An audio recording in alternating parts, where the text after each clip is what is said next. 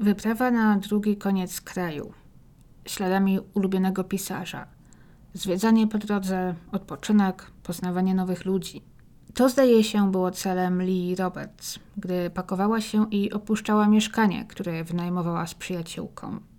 Mimo, że nikogo nie uprzedziła o swojej podróży, dając na początku bliskim powody do obaw, to pierwsze dni jej podróży zdawały się być jak najbardziej w porządku, co wiemy m.in. dzięki zakupom przy użyciu karty.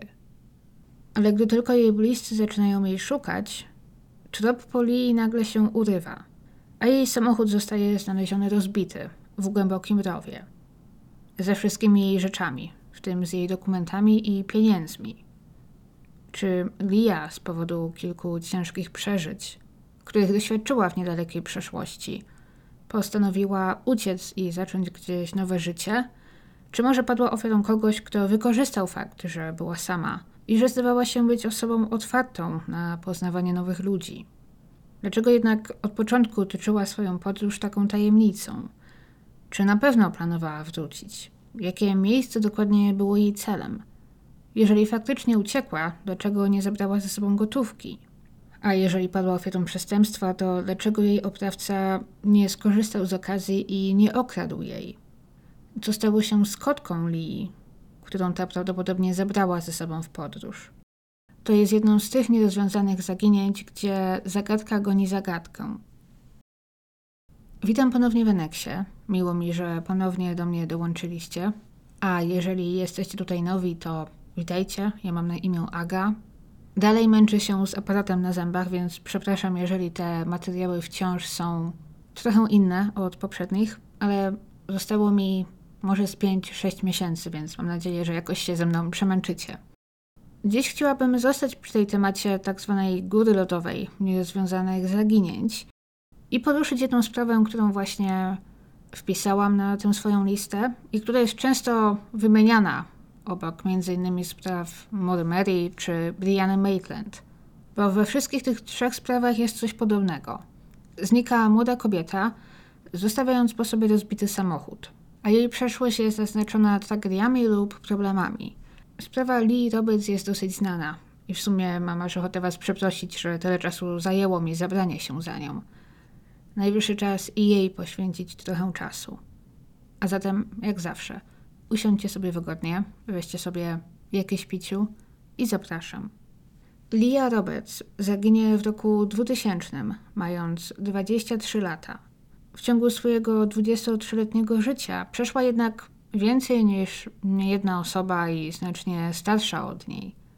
Lia urodziła się i wychowała w Durham w Karolinie Północnej. Półtora roku po jej zniknięciu w tym samym mieście wybuchnie słynna sprawa Michaela Petersona i śmierci jego żony Kathleen. Historia znana m.in. z głośnego dokumentu, jak i serialu niedawno o tytule Schody, ale dziś nie o tym.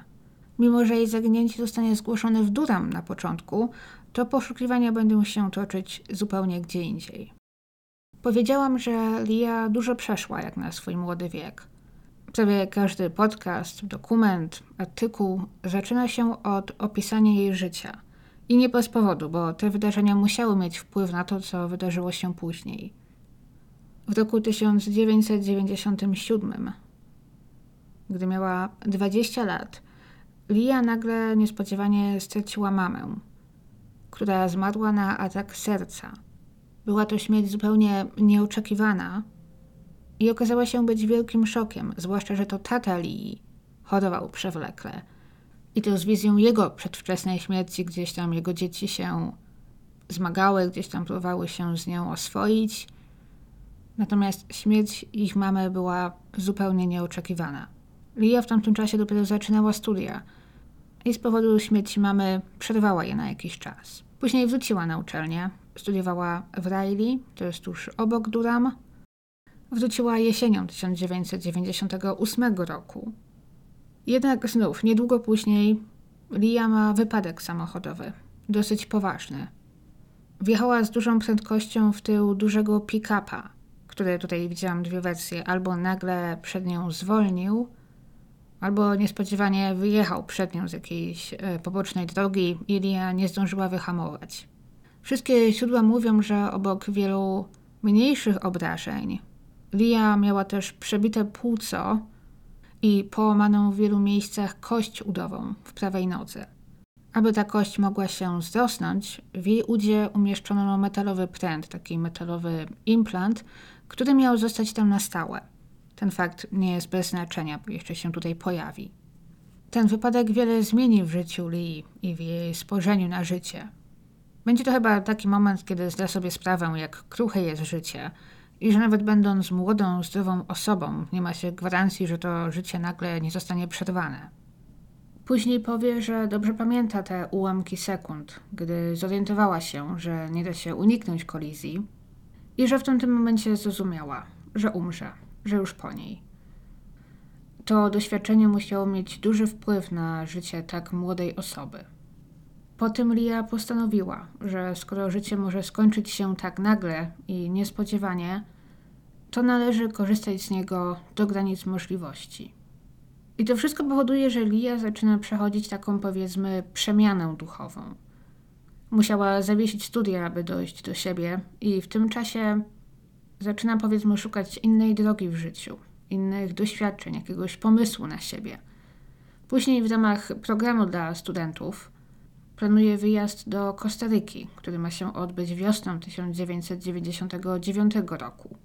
Lia ma się tam uczyć, pracować i szkolić język hiszpański, którym już potrafiła się posługiwać. Kilka lat wcześniej zresztą spędziła podobny semestr w Hiszpanii. Taki wyjazd więc to też nie było dla niej nic nowego.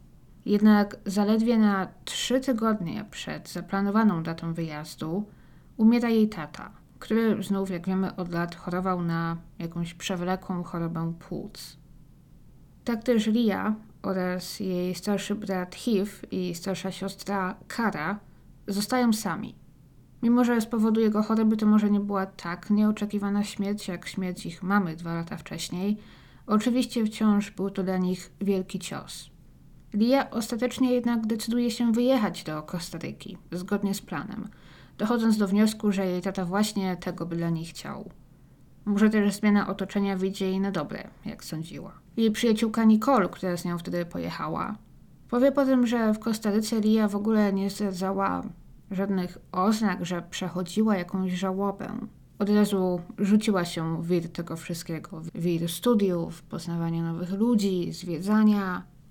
Może trochę tak, jakby ignorowała te uczucia związane ze śmiercią taty i nie pozwalała sobie na przejście takiej solidnej żałoby.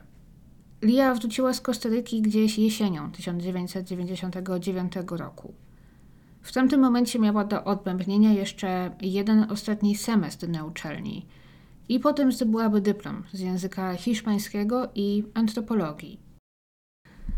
Lia jednak po powrocie decyduje się dalej odłożyć studia. Jej starsze rodzeństwo powie później, że Lia wydała im się tak zagubiona po stracie obojga rodziców, że to wszystko przestało mieć dla niej znaczenie. Ponieważ cała trójka odziedziczyła po rodzicach spadek, to Lia stała się na tyle niezależna finansowo, że nie musiała tak od razu szukać pracy. Jeżeli żyłaby oszczędnie, mogła spokojnie żyć i długie lata nie musząc pracować. I zamiast studiowania chciała wykorzystać trochę tego wolnego czasu, aby naprawdę skupić się na szukaniu tego, co ją porwie, co ją zainteresuje.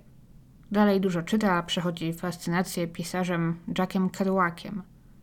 Przede wszystkim jego książkami W drodze oraz Włóczędzy Darmy i pokoleniem bitników ogólnie. W wielkim skrócie Kerouac opisywał doświadczenia ze swojej podróży na zachód przez Stany. Opisywał podróże autostopem, ludzi, których spotykał, wszystkie swoje doświadczenia, a we Włóczęgach Darmy znów opisuje swoje życie z czasów, gdy mieszkał w małej chacie obserwacyjnej na szczycie góry Desolation Peak w stanie Waszyngton, gdzie jego zadaniem było wypatrywanie i informowanie o pożarach lasów.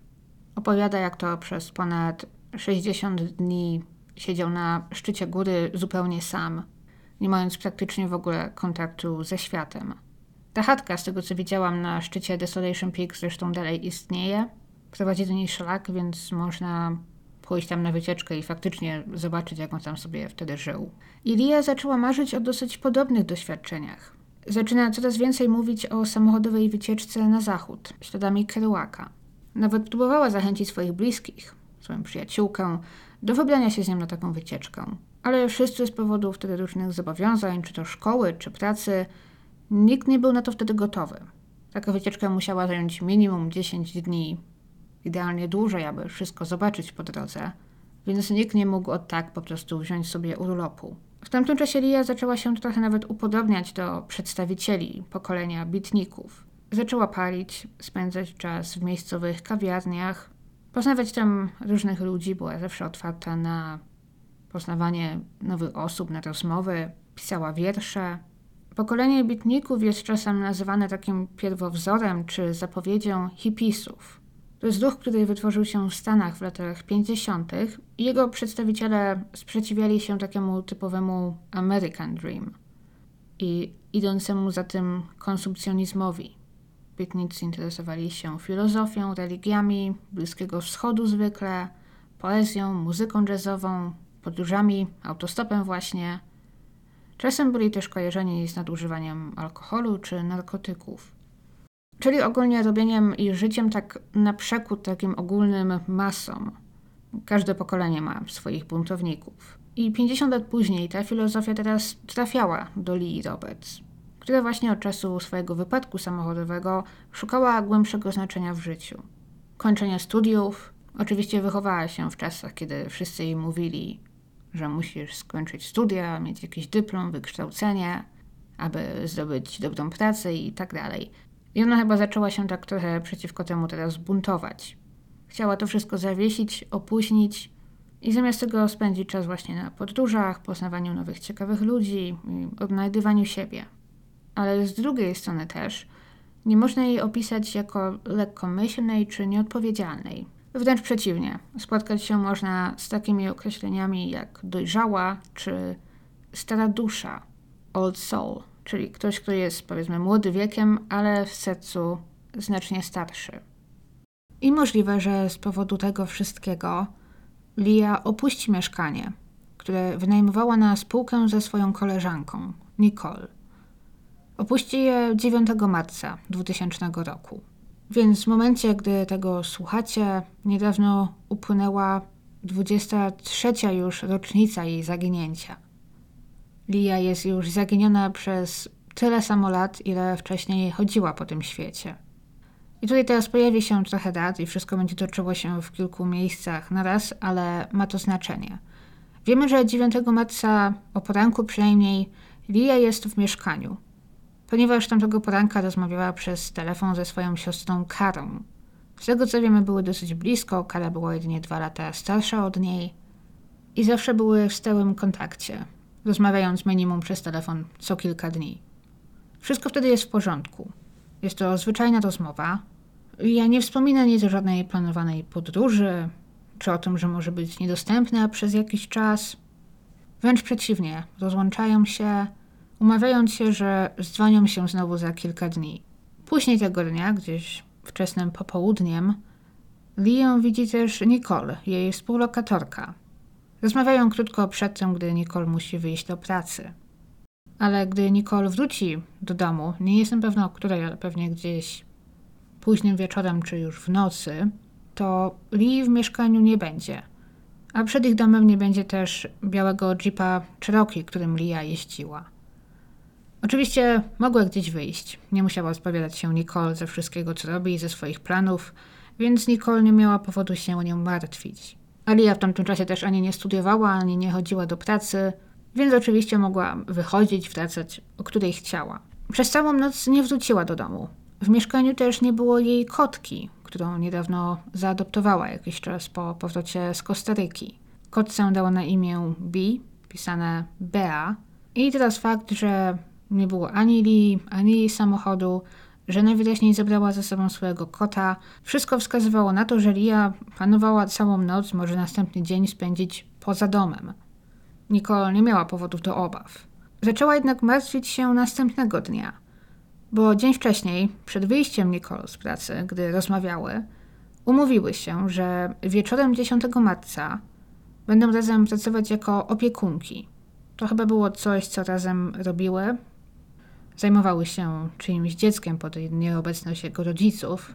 Nie wiem, może byli to sąsiedzi albo ktoś z rodziny. Nicole, nie jestem pewna. Ale z tego co rozumiem, to była głównie taka dorywcza praca Nicole. To ona była tą główną babysitterką, opiekunką, ale Lia czasem jej towarzyszyła. I tak miało być też tego dnia. Jednak Lia nie pojawia się. To Nicole już wydaje się dziwne. Mimo, że oczywiście Lia nie miała żadnego konkretnego grafiku, wiemy, nie miała pracy ani nic, ale Nicole wiedziała, że Lia zawsze była odpowiedzialna, zawsze mogły na niej polegać. I znały się, znały się dobrze, znały się od dawna, były razem w Kostaryce. Jeżeli umówiły się na coś, to Lia zawsze stawiała się na umówiony czas. Albo jeżeli coś by jej wypadło, zawsze dzwoniłaby, aby o tym poinformować. Nigdy o tak nikogo by nie zostawiła na lodzie. A tutaj w tym wypadku cisza. I tak przez kilka dni Lia nie wraca do domu. W końcu Nicole i jej rodzeństwo gdzieś tam zgadują się, że od kilku dni nikt jej nie widział, nikomu nie powiedziała o żadnym wyjeździe, nikt nie wie, co się z nią dzieje.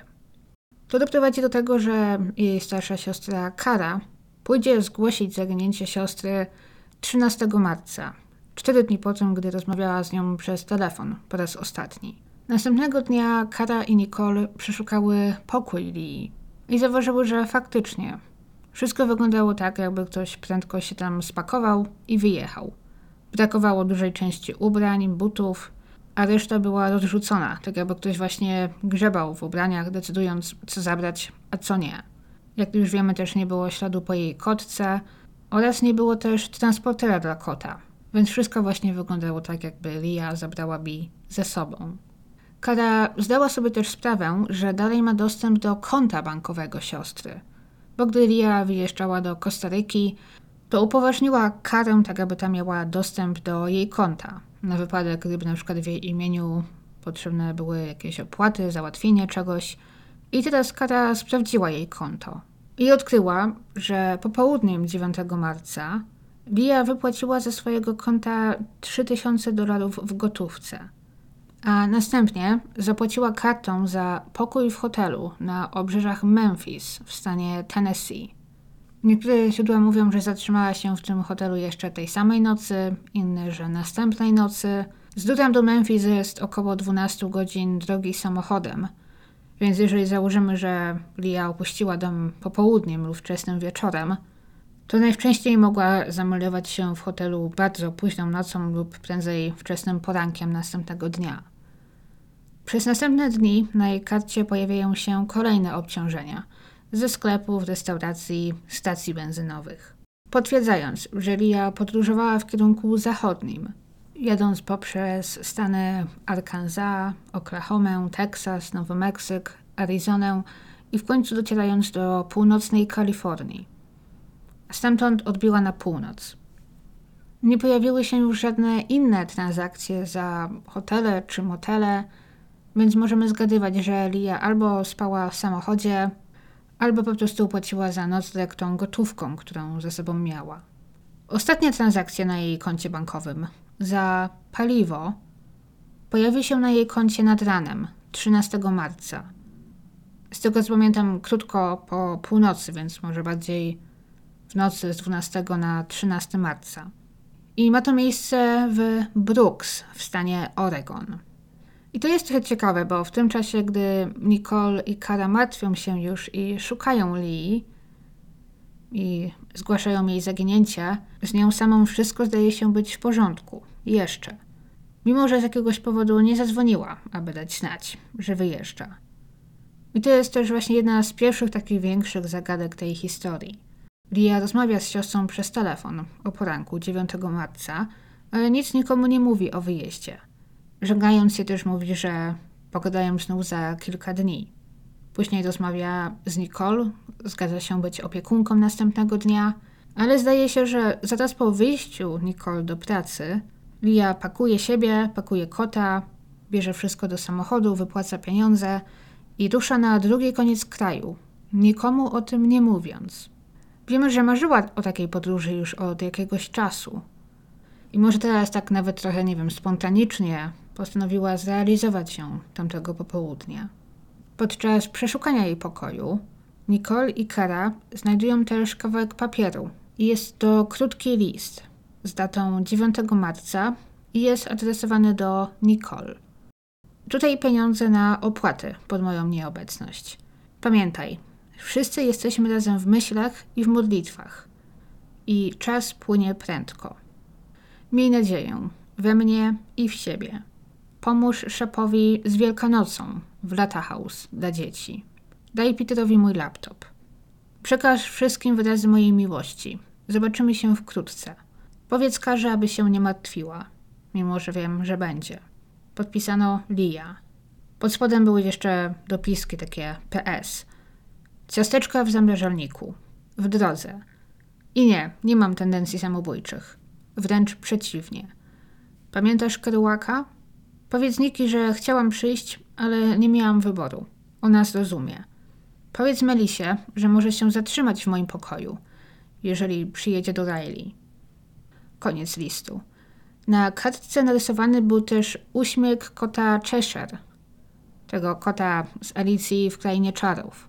Co niektórzy trochę traktują jako wskazówkę, ponieważ ten kot w bajce jest właśnie taki tajemniczy, pojawia się i znika.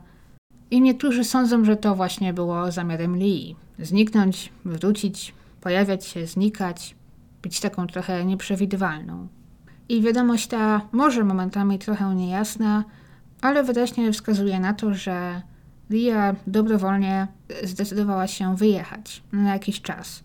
Obiecuje w liście, że niedługo się zobaczą. Poza tym zostawia kilka instrukcji. Pomóż szefowi z Wielkanocą dla dzieci. Przypuszczam, że chodziło o jakiś event, może jakiś wolontariat. Daj Peterowi mojego laptopa. Nie jestem pewna, kim był Peter, ale też ta wzmianka o jej laptopie mnie zainteresowała.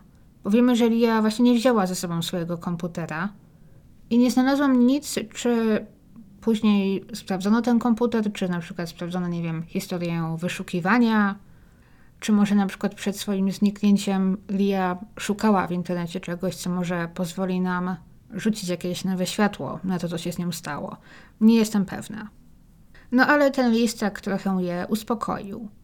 Miały teraz nadzieję, że Lia prędko się odezwie. Albo że wróci, bo po prostu pojechała na jakąś wycieczkę. Wskazywało na to wyraźnie wspomnienie o książce w drodze i Jacku Kerouacu. Lia nie miała telefonu komórkowego, więc też nie mogły po prostu tak do niej zadzwonić. Musiały czekać na telefon od niej. Do listu dołączona była też gotówka. Kwota pokrywała mniej więcej ich miesięczne opłaty za wynajem i media, sugerując, że Lia planowała wrócić najpóźniej po miesiącu. Ale pięć dni po tym, gdy dokonały tych wszystkich odkryć, Kara znajdzie w swojej skrzynce na listy notatkę, może takie awizo od kogoś z biura szeryfa z informacją, że nie zostali jej w domu, że potrzebują się z nią skontaktować i aby do nich zadzwoniła. Kara była zaskoczona. Wtedy też wypadały jej 26 urodziny i spodziewała się, że tu właśnie tego dnia Lia się do niej odezwie, aby złożyć jej życzenia. Zamiast tego jednak musiała porozmawiać z szeryfem z biura w Durham, który poinformował ją, że właśnie dostali telefon z Waszyngtonu, bo znaleziono tam samochód Lee, rozbity, a po niej samej nie było śladu. I rozbity samochód i to, co w nim znaleziono, czego w nim nie znaleziono, to jest kolejny przedziwny aspekt tej historii. O poranku 18 marca pewna para młodych ludzi, mężczyzna i kobieta, uprawiali jogging przy drodze, która nazywa się Canyon Creek. To jest na północ od góry Baker w stanie Waszyngton. W hrabstwie, które nazywa się Łatkom i droga ta prowadzi przez las. Nie jest zbyt często uczęszczana, ale jest to droga wybetonowana, uczęszczana przez turystów czasem. Prowadzi też podobno tam dalej do kilku chat, które jednak w tamtym czasie chyba nie były zamieszkane, bo były to bardziej takie miejsca letnie. I miejscami, ponieważ jesteśmy w górach, jest to ładna, widokowa droga. Odchodzi od większej drogi, Baker Highway, która to właśnie prowadzi na zbocza ogromnej góry Baker, gdzie znajdują się stoki narciarskie między innymi. W pobliżu znajdują się też różne pola namiotowe. Nie wiem, ile z tego istniało 23 lata temu, ale też wydaje mi się, że ta okolica przez ten czas jakoś nieszczególnie się zmieniła. Żeby też nas jakoś dobrze umieścić na mapie, na świecie, to jest to teraz na południe od granicy z Kanadą i na południe od prowincji Kolumbia Brytyjska. I ci ludzie, którzy biegali sobie tam wtedy wzdłuż tej drogi, najpierw zwrócili uwagę, że przy drodze leżały rozrzucone różne rzeczy, ubrania, niektóre też były zaczepione o gałęzie drzew. Gdy podeszli bliżej, zobaczyli w dole, w bardzo głębokim rowie poniżej, rozbite auto. Był to biały Jeep Cherokee. Tablice rejestracyjne wskazywały na to, że samochód przyjechał tam aż z Karoliny Północnej. I tak, był to samochód oczywiście należący do Lee Roberts. Wszystko wyglądało tak, jakby ktoś zjechał lub zepchnął samochód w dół. Ten miał uszkodzoną przednią szybę, był poobijany, a po uszkodzeniach na drzewach, które znajdowały się przy drodze i o które samochód otarł się w czasie swojej drogi w dół, oszacowano, że musiał zjechać w dół z prędkością około 60 km. Co wskazuje na to, że to nie było tak, że na przykład ktoś zapadkował to auto, zostawił to auto nad krawędzią przepaści, wysiadł z niego i je zepchnął, a że raczej tym samochodem zjechano w dół, naciskając pedał gazu. A przynajmniej w to w tamtym momencie zdają się wierzyć śledczy. Poza tym w samochodzie panował duży bałagan. Potwierdzają oczywiście, że Jeep musiał obrócić się kilka razy, spadając w dół. W czasie jego drogi w dół również wiele rzeczy zaczęło wypadać przez porozbijane okna, a więc rzeczy należące do Lee znaleziono rozrzucone wokół tego miejsca. Jednak w środku samochodu nie znaleziono żadnych śladów, że komukolwiek stała się krzywda. Żadnych śladów, że ktoś doznał obrażeń w wyniku wypadku. Śladów krwi na przykład nie było niczego takiego. Co może się czasem zdarzyć, jeżeli na przykład kierowca ma dobrze zapięte pasy. Ale wtedy znów po wszystkim na takim pasie zostają podobno ślady. Przynajmniej tak mówią wszystkie źródła na temat tej sprawy. Że w czasie wypadku, gdy dochodzi do jakiegoś silnego impaktu, ten pas się blokuje, oczywiście zaczyna działać, chroni nas i że później zostaje po nim jakiś ślad. I że właśnie dosyć łatwo powiedzieć, czy ktoś właśnie miał w czasie wypadku ten pas zapięty, czy nie. A tutaj znów żadnych śladów na tym pasie nie było. Więc wszystko jest w tym momencie dziwne. Bo ustalenia policji wskazują na to, że samochód przejechał między tymi drzewami z dużą prędkością, ale jednocześnie w środku chyba wtedy nikogo nie było. Do tego jeszcze wrócimy. Nie było, jak wiemy, śladu ani po Lee, ani po jej kotce. W samochodzie znaleziono m.in. kocie jedzenie i też transporter dla kota. Jeżeli Lia miałaby się gdzieś oddalić z Bi, to pewnie raczej wzięłaby ją w jej transporterze bo ciężko tak po prostu odejść z kotem na rękach. Wiem, że zależy od kota, ale kot się często w końcu zacznie wyrywać. Poza tym w oknach samochodu były zawieszone koce. Tak się często robi m.in. gdy ktoś nocuje w samochodzie. A ponieważ na karcie Lee była transakcja za noc w hotelu tylko raz, możemy zgadywać, że może spała ona w swoim samochodzie w dalszej części podróży. I stąd te koce. Jednak znów często podawane jest, że wyglądało to trochę tak, jakby ktoś zawiesił je już tam po tym, gdy samochód się rozbił, po tym, gdy wylądował na dole. Trochę tak, jakby właśnie po wypadku ktoś w nim nocował. Więc nie wiem, ktoś zepchnął samochód w dół, czy zjechał w nim w dół, a później w nim spał. Ale są spore, chyba tak nie do końca jest zgodność co do tego, czy te koce na przykład mogły tak zostać w tych oknach, gdyby samochód wjechał w dół, czy nie i czy na pewno zostały tam założone już po wypadku. Poza tym w samochodzie i wokół niego znaleziono praktycznie wszystkie rzeczy Lee. Jej paszport, dokumenty, prawo jazdy, masy jej ubrań, butów, książeczkę czekową, płyty, książki, gitarę. W kieszeni jednej pary jej spodni znaleziono 2,5 tysiąca dolarów w gotówce, czyli to była prawdopodobnie pozostałość z tych 3 tysięcy – które Lia wypłaciła jeszcze w Karolinie Północnej. Znaleziono też pierścionek zaręczynowy, który należał do mamy Lee. i który Lia nosiła jako pamiątkę po niej. Jej rodzeństwo było przekonane, że Lia nie porzuciłaby go dobrowolnie, ponieważ miał dla niej dużą wartość sentymentalną i zdejmowała go bardzo rzadko. Ciekawe jest też miejsce, gdzie ten pierścionek został znaleziony, bo pod dywanikiem, pod siedzeniem kierowcy. Z tego co widziałam na zdjęciach, tam była masa rzeczy, masa różnych śmieci, mniejszych przedmiotów, które się teraz walały po tym samochodzie, pewnie z powodu wypadku. Więc też nie wiem, czy może ktoś tam celowo umieścił ten pierścionek, jakby próbował go ukryć, czy może po prostu tam wylądował wtedy, gdy samolot robił fikołki, spadając w dół. Wiemy też, że Lia często nosiła złote kolczyki oraz wiele innych pierścionków na rękach, a jednak te do dziś nie zostały znalezione i prawdopodobnie zaginęły razem z nią. W samochodzie znaleziono też takie małe pudełeczko, w którym zdaje się Lia zaczęła zbierać pamiątki z podróży. Były tam różne małe przedmioty, które najwyraźniej miały jej przypominać o odwiedzonych miejscach.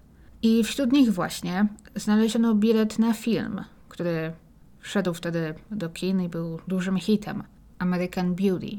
Był to bilet z kina, które mieściło się w centrum handlowym o nazwie Belly's Fair. To jest w Bellingham w stanie Waszyngton. Mniej więcej około godzinę drogi samochodem od miejsca, gdzie znaleziono jej rozbity samochód. Był to bilet z popołudniowego seansu 13 marca, czyli tego dnia, gdy Kara zgłosiła zaginięcie siostry na policję i gdy zaczęła sprawdzać jej konto i jej szukać. Wtedy z Lią najwyraźniej wszystko było jeszcze w porządku. Ten bilet też stał się takim ostatnim dowodem, najpóźniejszym momentem, kiedy z Lią było najwyraźniej wszystko w porządku. Popołudnie 13 marca. Później już ślad po niej znika. Nie ma żadnych innych zakupów, żadnych innych transakcji, żadnych innych dowodów na to, że Lia żyła i że wszystko było w porządku. To wszystko daje więc powody do przypuszczeń, że Lee coś mogło przydarzyć się wieczorem 13 marca lub w nocy, czy też niedługo później. I jednak pierwszym założeniem było na początku to, że Lia miała wypadek samochodowy, mimo że oczywiście nie było w środku żadnych śladów po tym, ale wciąż to była taka pierwsza trochę robocza hipoteza, że może Lia na przykład podczas wypadku uderzyła się w głowę i w szoku odwędrowała gdzieś, może cierpiąc na amnezję. Sprawdzono przede wszystkim miejscowe szpitale, potem szukano też w lasach wokół miejsca wypadku. Niestety bezskutecznie. Podejrzewano też na początku, że to mógł być jakiś wypadek pod wpływem alkoholu, bo tak też często się dzieje, że ktoś ma wypadek, natomiast ponieważ pił wcześniej alkohol, to boi się, że oczywiście jeżeli wezwie policję, wezwie pomoc, zostanie podany testowi alkomatem i to stężenie alkoholu okaże się być za wysokie, to oczywiście będzie mieć problemy, może stracić prawo jazdy. Więc to, co ludzie bardzo często robią, to po prostu zostawiają ten samochód tam, gdzie go rozbili, niech se leży, oddalają się gdzieś i zgłaszają problem, czy dzwonią, aby ten samochód laweta zabrała, dopiero potem, gdy wytrzeźwieją. Bo wtedy oczywiście nie ma już żadnych dowodów na to, że pili. I sądzono, że może coś takiego właśnie miało miejsce. I że Lia zaraz się gdzieś odnajdzie. A jednak niestety dni upływały, a po niej dalej nie było śladu. Kilka dni później, już po tym, gdy o sprawie zaczęło się w Waszyngtonie robić głośno, policja otrzymała telefon od anonimowego mężczyzny, który powiedział, że on i jego żona widzieli kobietę wyglądającą jak Lia, chodzącą zdezorientowaną i zagubioną w okolicach stacji benzynowej w mieście Everett, to jest na obrzeżach Seattle. Około godzinę drogi samochodem z Bellingham. Jednak dojście tam pieszo zajęłoby ponad 20 godzin. Dlatego możemy raczej założyć, że jeżeli była to Lia, to dostała się tam czyimś samochodem, może autostopem. Poszukiwania przeniesiono w okolice Everett na jakiś czas, ponieważ policja z jakiegoś powodu uznała zgłoszenie za wiarygodne.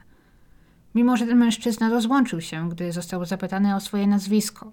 Najwyraźniej chciał pozostać anonimowym. Niestety i poszukiwania w Everett nie przyniosły żadnych rezultatów. Udało się natomiast pozyskać nagranie z kamer na stacji benzynowej w Brooks w Oregonie. To jest to miejsce, w którym Lia po północy 13 marca zatankowała samochód. Jej ostatnia transakcja na koncie. Nagranie no, jest jakości jakiej jest, w końcu mówimy o roku 2000, ale nie ma na nim niczego niepokojącego. Lia wchodzi na stację, podchodzi, aby zapłacić, po czym wychodzi. Jest taki moment, kiedy podchodzi do rady, po czym cofa się, aby wyjrzeć przez okno, spoglądając w kierunku, gdzie prawdopodobnie stał jej samochód. Nie wiadomo, za czym się rozgląda. Niektórzy sądzą, że patrzy tam, ponieważ z kimś podróżowała na przykład. Ale nie wiem, może wygląda, bo zapomniała, za które stanowisko do tankowania płaci. Nie jestem pewna. Ale to jest trochę podobne jak w przypadku sprawy z poprzedniego tygodnia, gdzie Madeleine Bergeron również tak wyglądała przez okno. Gdy była w banku, wyglądała przez okno na parking. Jednak tutaj nie wiem, nie ma żadnych oznak, jeżeli ja jest zdenerwowana, przybita, wystraszona. Wszystko wygląda zupełnie normalnie. Już na samym początku śledztwa do pomocy włączyło się FBI, ponieważ sprawa miała charakter międzystanowy. Pomagali oni też m.in. w analizie tego, co znaleziono w samochodzie. Po wszystkim, gdy policja była już gotowa wydać Jeepa rodzinie Lee, jej rodzeństwo poprosiło, aby, aby go zatrzymali, aby zatrzymali go właśnie w takim stanie, w jakim został odnaleziony. W nadziei, że w przyszłości będzie można do niego wrócić, jeżeli pojawią się jakieś nowe tropy, lub jeżeli rozwój techniki pozwoli przeprowadzić jakieś dodatkowe testy. W roku 2006 po sześciu latach, w momencie gdy sprawa już praktycznie stała w miejscu od dłuższego czasu, akta przekazano nowym śledczym, którzy mieli rzucić na nie okiem raz jeszcze, zapewnić takie świeże spojrzenie.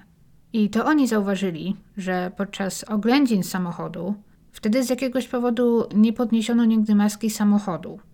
Nie sprawdzono, co mogło znajdować się albo nie znajdować się pod maską. I teraz postanowili to zrobić odkryli jedną ciekawą rzecz.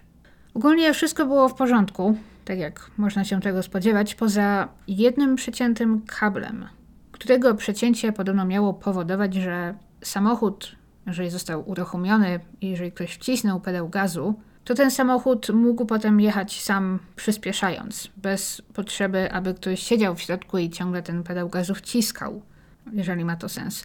Co w zasadzie potwierdziło, że ktoś faktycznie celowo Zrzucił ten samochód, zepchnął go w dół, bez nikogo za kierownicą. Jednocześnie manipulując nim w taki sposób, że sam przyspieszał. Poza tym wiemy też, że udało się pobrać kilka odcisków palców z maski tego samochodu. Nie wiem, czy z góry, czy może spod maski, bo jeżeli z góry, to chyba niestety niewiele to da, bo przypuszczam, że na przestrzeni lat wiele osób mogło dotknąć tego samochodu, gdy stał gdzieś na policyjnym parkingu. Ale jeżeli pobrano je gdzieś spod maski, to jest to trochę bardziej obiecujące. Ciężko powiedzieć, czy Lia wiedziałaby, jak tego dokonać. Jak zmanipulować tym samochodem, co przeciąć, aby uzyskać taki efekt, że to auto samo by przyspieszało, bo nie jest to jakoś szczególnie powszechna wiedza. Nie wiemy też nic o tym, aby Lia jakoś szczególnie interesowała się mechaniką czy samochodami. Jej wiedza na ten temat była raczej taka dosyć przeciętna. A to może sugerować, że ktoś inny majstrował przy jej samochodzie. Ktoś, kto się na tym lepiej znał. I że właśnie może miało to na celu zatuszowanie jakiegoś przestępstwa. I to prowadzi nas do kolejnego wątku w tej sprawie. A tak mianowicie do mężczyzny czy do mężczyzn, z którymi Lia mogła rozmawiać 13 marca. Jej rodzeństwo, Hiv i Kara, gdy dowiedzieli się o tym bilecie z kina w centrum handlowym w Bellingham, poszli tam trochę porozpytywać. Nikt nie zapamiętał jej w kinie, w czym może też nie ma niczego dziwnego. Kupuje się bilet, siada w ciemnej sali i nikt jakoś szczególnie na nikogo nie zwraca uwagi. Ale podejrzewali też, że Lia musiała coś przecież zjeść tamtego dnia. A w tym centrum handlowym było kilka restauracji szybkiej obsługi. Poszli więc tam popytać i faktycznie. 13 marca Lia była w jednej z nich widziana. Były tam głównie fast foody, ale była jedna tylko taka restauracja z obsługą kelnerską. I Kara sądziła, że to właśnie tam jej siostra poszłaby coś zjeść. To właśnie to miejsce wybrałaby na obiad. I faktycznie, pracownicy powiedzieli im, że zapamiętali tam Lię. Że była tam i jadła lunch, siedząc przy barze 13 marca. Po obu jej stronach siedzieli mężczyźni, ale Lia nie przyszła tam z żadnym z nich. Po prostu, gdy przychodzi się samemu i chce się usiąść przy barze, co też często jest tańsze, to wiadomo, że obok nas będą siedzieć inni obcy nam ludzie. I w czasie jedzenia swojego posiłku Lia podobno nawiązała rozmowę z tymi mężczyznami. Co znowu zdaje się pasować do jej charakteru. Wiemy, że wcześniej mieszkając w Karolinie Północnej była otwarta na poznawanie ludzi w kawiarniach. I zresztą tak też zaprzyjaźniła się z inną kobietą, również fanką Kerouaka. I potem, gdy te informacje wyszły na światło dzienne w roku 2000, jeden z tych mężczyzn, który siedział razem z nią, zadzwonił na policję, aby powiedzieć, że pamięta tą sytuację, że pamiętał Lię i streścił ich rozmowę. Opisał Lię jako uprzejmą, sympatyczną osobę, która opowiedziała mu trochę o swojej podróży. Miała też wspominać o Jacku Kerouaku, ale ogólnie była to taka krótka, uprzejma rozmowa, Mam wrażenie, że w Stanach czy w Kanadzie jest właśnie taka kultura, że goście siedzący w restauracji gdzieś przy barze często gdzieś tam ze sobą rozmawiają, nawet jeżeli się nie znają. Zdecydowanie chyba częściej niż u nas. Ale ten mężczyzna powiedział, że Lia rozmawiała również z mężczyzną, który siedział po jej drugiej stronie. I ten mężczyzna był mu obcy. I ten drugi mężczyzna został odnaleziony. Nie jestem pewna, czy on zgłosił się sam, czy może został odnaleziony przez policję, ale został on w końcu odnaleziony i też opowiedział dosyć podobną historię. To znaczy, że nie znał Lee osobiście, ale że siedzieli obok siebie i w którymś momencie wymienili tam kilka zdań. Ale on powiedział jeszcze jedną ciekawą rzecz, o której nie wspomniał ten pierwszy mężczyzna, a mianowicie, że w pewnym momencie do Lee podszedł mężczyzna, którego ta wyraźnie znała, bo zwracała się do niego Bary, i że razem wyszli z tej restauracji. I ten mężczyzna potrafił Barego opisać nawet na tyle dobrze, że stworzono jego portret pamięciowy, na którym ten człowiek, ten rzekomy Bary, rzeczywiście wygląda tak trochę, nie wiem czy nieprzyjaźnie, wrogo, co oczywiście gdzieś tam zaraz wzbudza skojarzenia, że to Bary właśnie mógł odpowiadać za zrobienie Lee krzywdy. Ale trzeba też zwrócić uwagę jeszcze na kilka rzeczy. Wszystkie Źródła mówią o tym, że Lia jadła w tej restauracji lunch, który w Stanach ludzie jedzą gdzieś zwykle pomiędzy godziną 12 a 13. A seans American Beauty, na który bilet znaleziono pośród jej rzeczy, odbywał się po godzinie 14. Więc Lia musiała najpierw zjeść lunch, później pójść obejrzeć film w kinie obok, w tym samym centrum handlowym. Po czym musiała z tego kina bezpiecznie wyjść i wrócić do samochodu i mieć nawet czas, aby sobie ten bilet gdzieś tam zachować w tym małym pudełku, do którego wkładała pamiątki z podróży. Jeżeli chcemy więc założyć, że Lia faktycznie z kimś wyszła z tej restauracji, z tym barem właśnie, i że to on jest odpowiedzialny za jej zaginięcie, to musieli albo razem pójść do kina i spędzić razem cały dzień, albo ten śledził Lię całe popołudnie, czy spotkał się z nią później. Zmierzam do tego, że nic nie stało się bezpośrednio po wyjściu z restauracji, a dopiero najprędzej kilka godzin później, możliwie wieczorem. Co czyni tych trzech mężczyzn z restauracji, dwóch albo trzech, mniej prawdopodobnymi sprawcami. Chociaż oczywiście nie wyklucza ich zupełnie. Ciekawym jest też to, że ten drugi mężczyzna potrafił opisać tego Barego tak dobrze, co też znów doprowadziło do wątpliwości, czy Bary w ogóle istniał.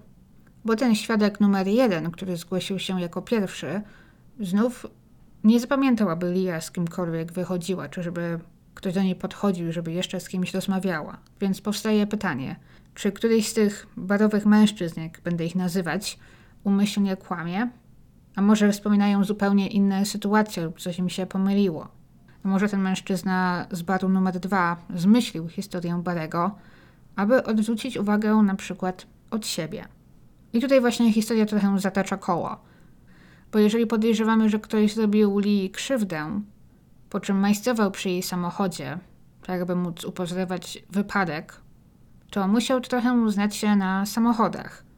I tak się składa, że ten mężczyzna numer dwa z baru, stojący za informacją o barem, pracował w przeszłości jako mechanik właśnie. I teraz po tych nowych odkryciach w roku 2006 policja podejmuje próbę odnalezienia tego drugiego świadka, tego drugiego mężczyzny z baru, który jednak, jak się okazuje, w tamtym czasie przeniósł się już i żył gdzieś w Kanadzie. Trochę czasu to zajęło, ale w końcu dzięki współpracy z kanadyjską policją udało się pozyskać jego odciski palców, które porównano też do tych znalezionych na masce samochodu. I ku wielkiemu rozczarowaniu policji, bo podobno sądzili wtedy, że są na dobrym tropie, jego odciski nie pasowały. W następnych latach udało się też zabezpieczyć DNA pobrane z kilku ubrań należących do Lee, tych znalezionych w jej samochodzie. Wiemy podobno, że jest to DNA tej samej osoby, DNA męskie, i że do dziś nie zostało z nikim połączone. Domyślam się więc, że też w którymś momencie porównano je z DNA tego mechanika mieszkającego w Kanadzie. Natomiast nie widziałam żadnych innych szczegółów, ile tego DNA było, z czego dokładnie zostało pobrane. Bo to DNA oczywiście możemy pobrać z próbki krwi, śliny, nasienia, nawet potu. Chyba możemy się domyślać, że raczej nie pochodzi ono z krwi, no bo wszędzie podawana jest informacja, że właśnie żadnej krwi w samochodzie nie znaleziono. Nie wiem więc też, co to było i ile tego DNA tam było. Czy faktycznie może ono pochodzić od jakiegoś podejrzanego w tej sprawie i policja jest pewna, że jeżeli kiedyś to DNA z kimś połączą, to będzie to na pewno osoba zamieszana w zniknięcie Lee? Czy może to być po prostu DNA, które pochodzi od kogoś, z kim Lia wcześniej miała w życiu kontakt? Kolegi, chłopaka, coś w tym stylu. W tej kwestii więc nasze informacje są trochę niepełne, ale możliwe, że są trzymane w tajemnicy dla dobra śledztwa. I chciałam teraz przejść do jeszcze jednego wątku, moim zdaniem w tej historii najciekawszego, którego jednak wiele dokumentów, podcastów nie porusza, ponieważ jest to coś stosunkowo nowego. Moim zdaniem jest to najciekawszy, najbardziej taki zwariowany aspekt tej sprawy. Bo bardzo ciekawej obserwacji dokonał użytkownik Reddita, Vice Admiral Obvious, i napisał o tym post na Reddicie oczywiście 5 lat temu. Bo przeglądając bazę różnych niezidentyfikowanych ludzi, niezidentyfikowanych ciał w systemie NAMAS, zauważył, że w roku 2014 w hrabstwie Łatkom, to jest to hrabstwo, gdzie Lia też zaginęła w Waszyngtonie, znaleziono szkielet w lesie, czy też zmumifikowane ciało, ale nie zostało z niego wiele więcej niż kości. Ciało to musiało tam leżeć od wielu lat. Zostało znalezione około 30 km od miejsca, gdzie 14 lat wcześniej znaleziono rozbity samochód Lee Roberts. Na pierwszy rzut oka, pomimo tego samego rejonu, ciężko połączyć tę sprawę ze sprawą zaginięcia Lee natomiast. Ponieważ ten profil w systemie Name As podawał, że jest to ciało należące do mężczyzny w wieku pomiędzy 33 a 55 lat. Więc to tutaj niezbyt pasuje. Ale dowiadujemy się, że ta osoba miała w prawym udzie metalowy implant, który, jak ustalono po numerze seryjnym, został wyprodukowany w roku 98, czyli w czasie, gdy Lia miała operację po wypadku. I właśnie taki metalowy implant, taki metalowy pręt włożono jej właśnie w prawe udo. Zbieg okoliczności? Może, ale cóż za dziwny zbieg okoliczności. Wiemy też, że wzrost Johna Doe, znalezionego w roku 2014, odpowiada wzrostowi Lee Roberts. Pojawiło się więc pytanie, czy może błędnie ustalono płeć i wiek zmarłego czy zmarłej. Bo to się czasem zdarza, były już takie sytuacje, że te pierwsze ustalenia, podejrzenia w stosunku do Jane i Johnów Do okazały się nie być zupełnie zgodne z rzeczywistością, gdy już ustalono ich tożsamość. Zwłaszcza, że gdy do dyspozycji jest tylko szkielet, no to płeć ustala się właśnie między innymi na podstawie układu kości. Czyli tam inaczej zbudowanej miednicy, szerszych bioder, węższe ramiona itd. Tak mogą wskazywać na kobietę ale wielokrotnie właśnie przy takich identyfikacjach zdarzały się błędy. I pamiętam, że gdy usłyszałam o tym po raz pierwszy kilka lat temu, to powiedziałam sobie, nie no, to musi być Lia. Musiało dojść do jakichś błędów w czasie autopsji, może nawet zwyczajnego ludzkiego błędu, gdy ktoś, kto wypełniał jakiś formularz, niechcący zaznaczył na przykład złą płeć.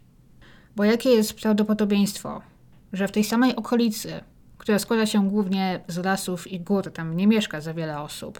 W bardzo podobnym rejonie, w której Lia zaginęła, znajdzie się inne ciało, które miało taki sam metalowy implant w tej samej nodze, w tym samym miejscu. Przedziwny zbieg okoliczności.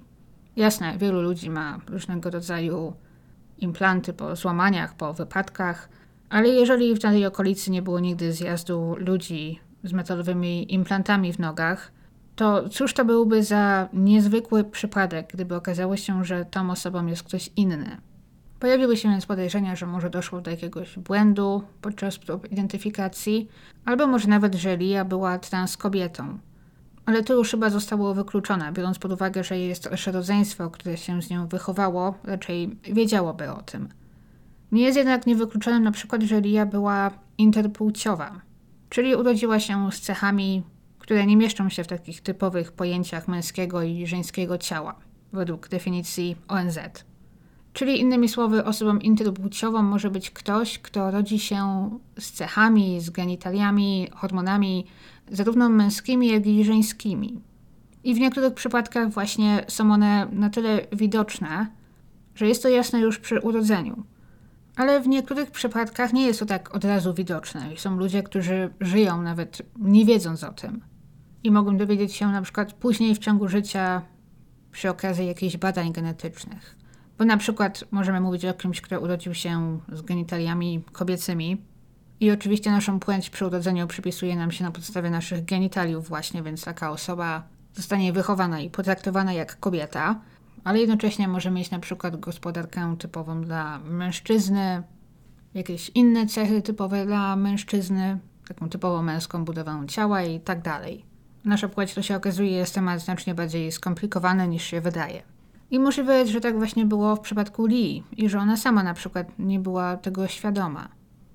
I jeżeli na przykład właśnie w którymś momencie przetestowano by jej DNA, to mogłoby to wyglądać na DNA mężczyzny, a nie kobiety. I zdecydowanie brzmi to na bardziej prawdopodobne niż możliwość, że po prostu w tej okolicy zginął ktoś, kto był akurat takiego samego wzrostu jak ona i miał identyczny implant w tym samym miejscu, jeszcze nawet wyprodukowany we właściwym roku. I oczywiście wszyscy wtedy zwariowali i zaczęli zgłaszać ten zbieg okoliczności. Zgłaszając, że DNA tego Johna Doe powinno jak najprędzej zostać porównane z DNA na przykład rodzeństwa Lei, aby to jak najprędzej wyjaśnić. Administratorzy bazy NameUs potwierdzili otrzymanie zgłoszenia i wtedy pozostawało tylko czekać na wyniki, ale potem wszystko ucichło na kilka lat. Oczywiście czasem testy genetyczne zajmują długie miesiące albo i lata, bo liczba próbek testów potrzebnych do wykonania znacznie przerasta liczbę laboratoriów i ich pracowników i każdy musi czekać w kolejce.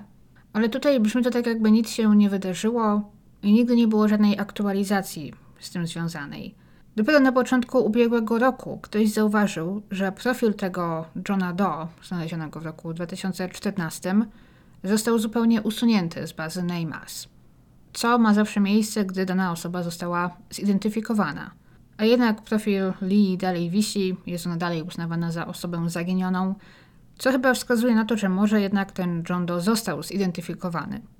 I nie jest on Leon Roberts. Po prostu nigdy nie podano nam szczegółów.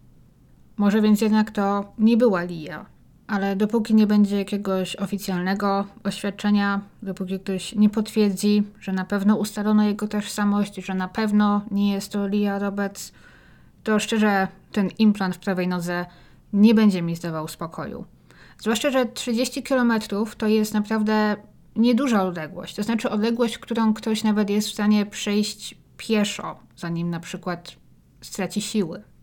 I właśnie nawet jeżeli chcemy przyjąć taką opcję, że może Lia jednak była w środku tego samochodu, może uległa jakiemuś wypadkowi, to 30 km to jest właśnie taka odległość, którą pewnie była w stanie przejść pieszo, zanim może właśnie straciłaby siły i nie była w stanie iść dalej.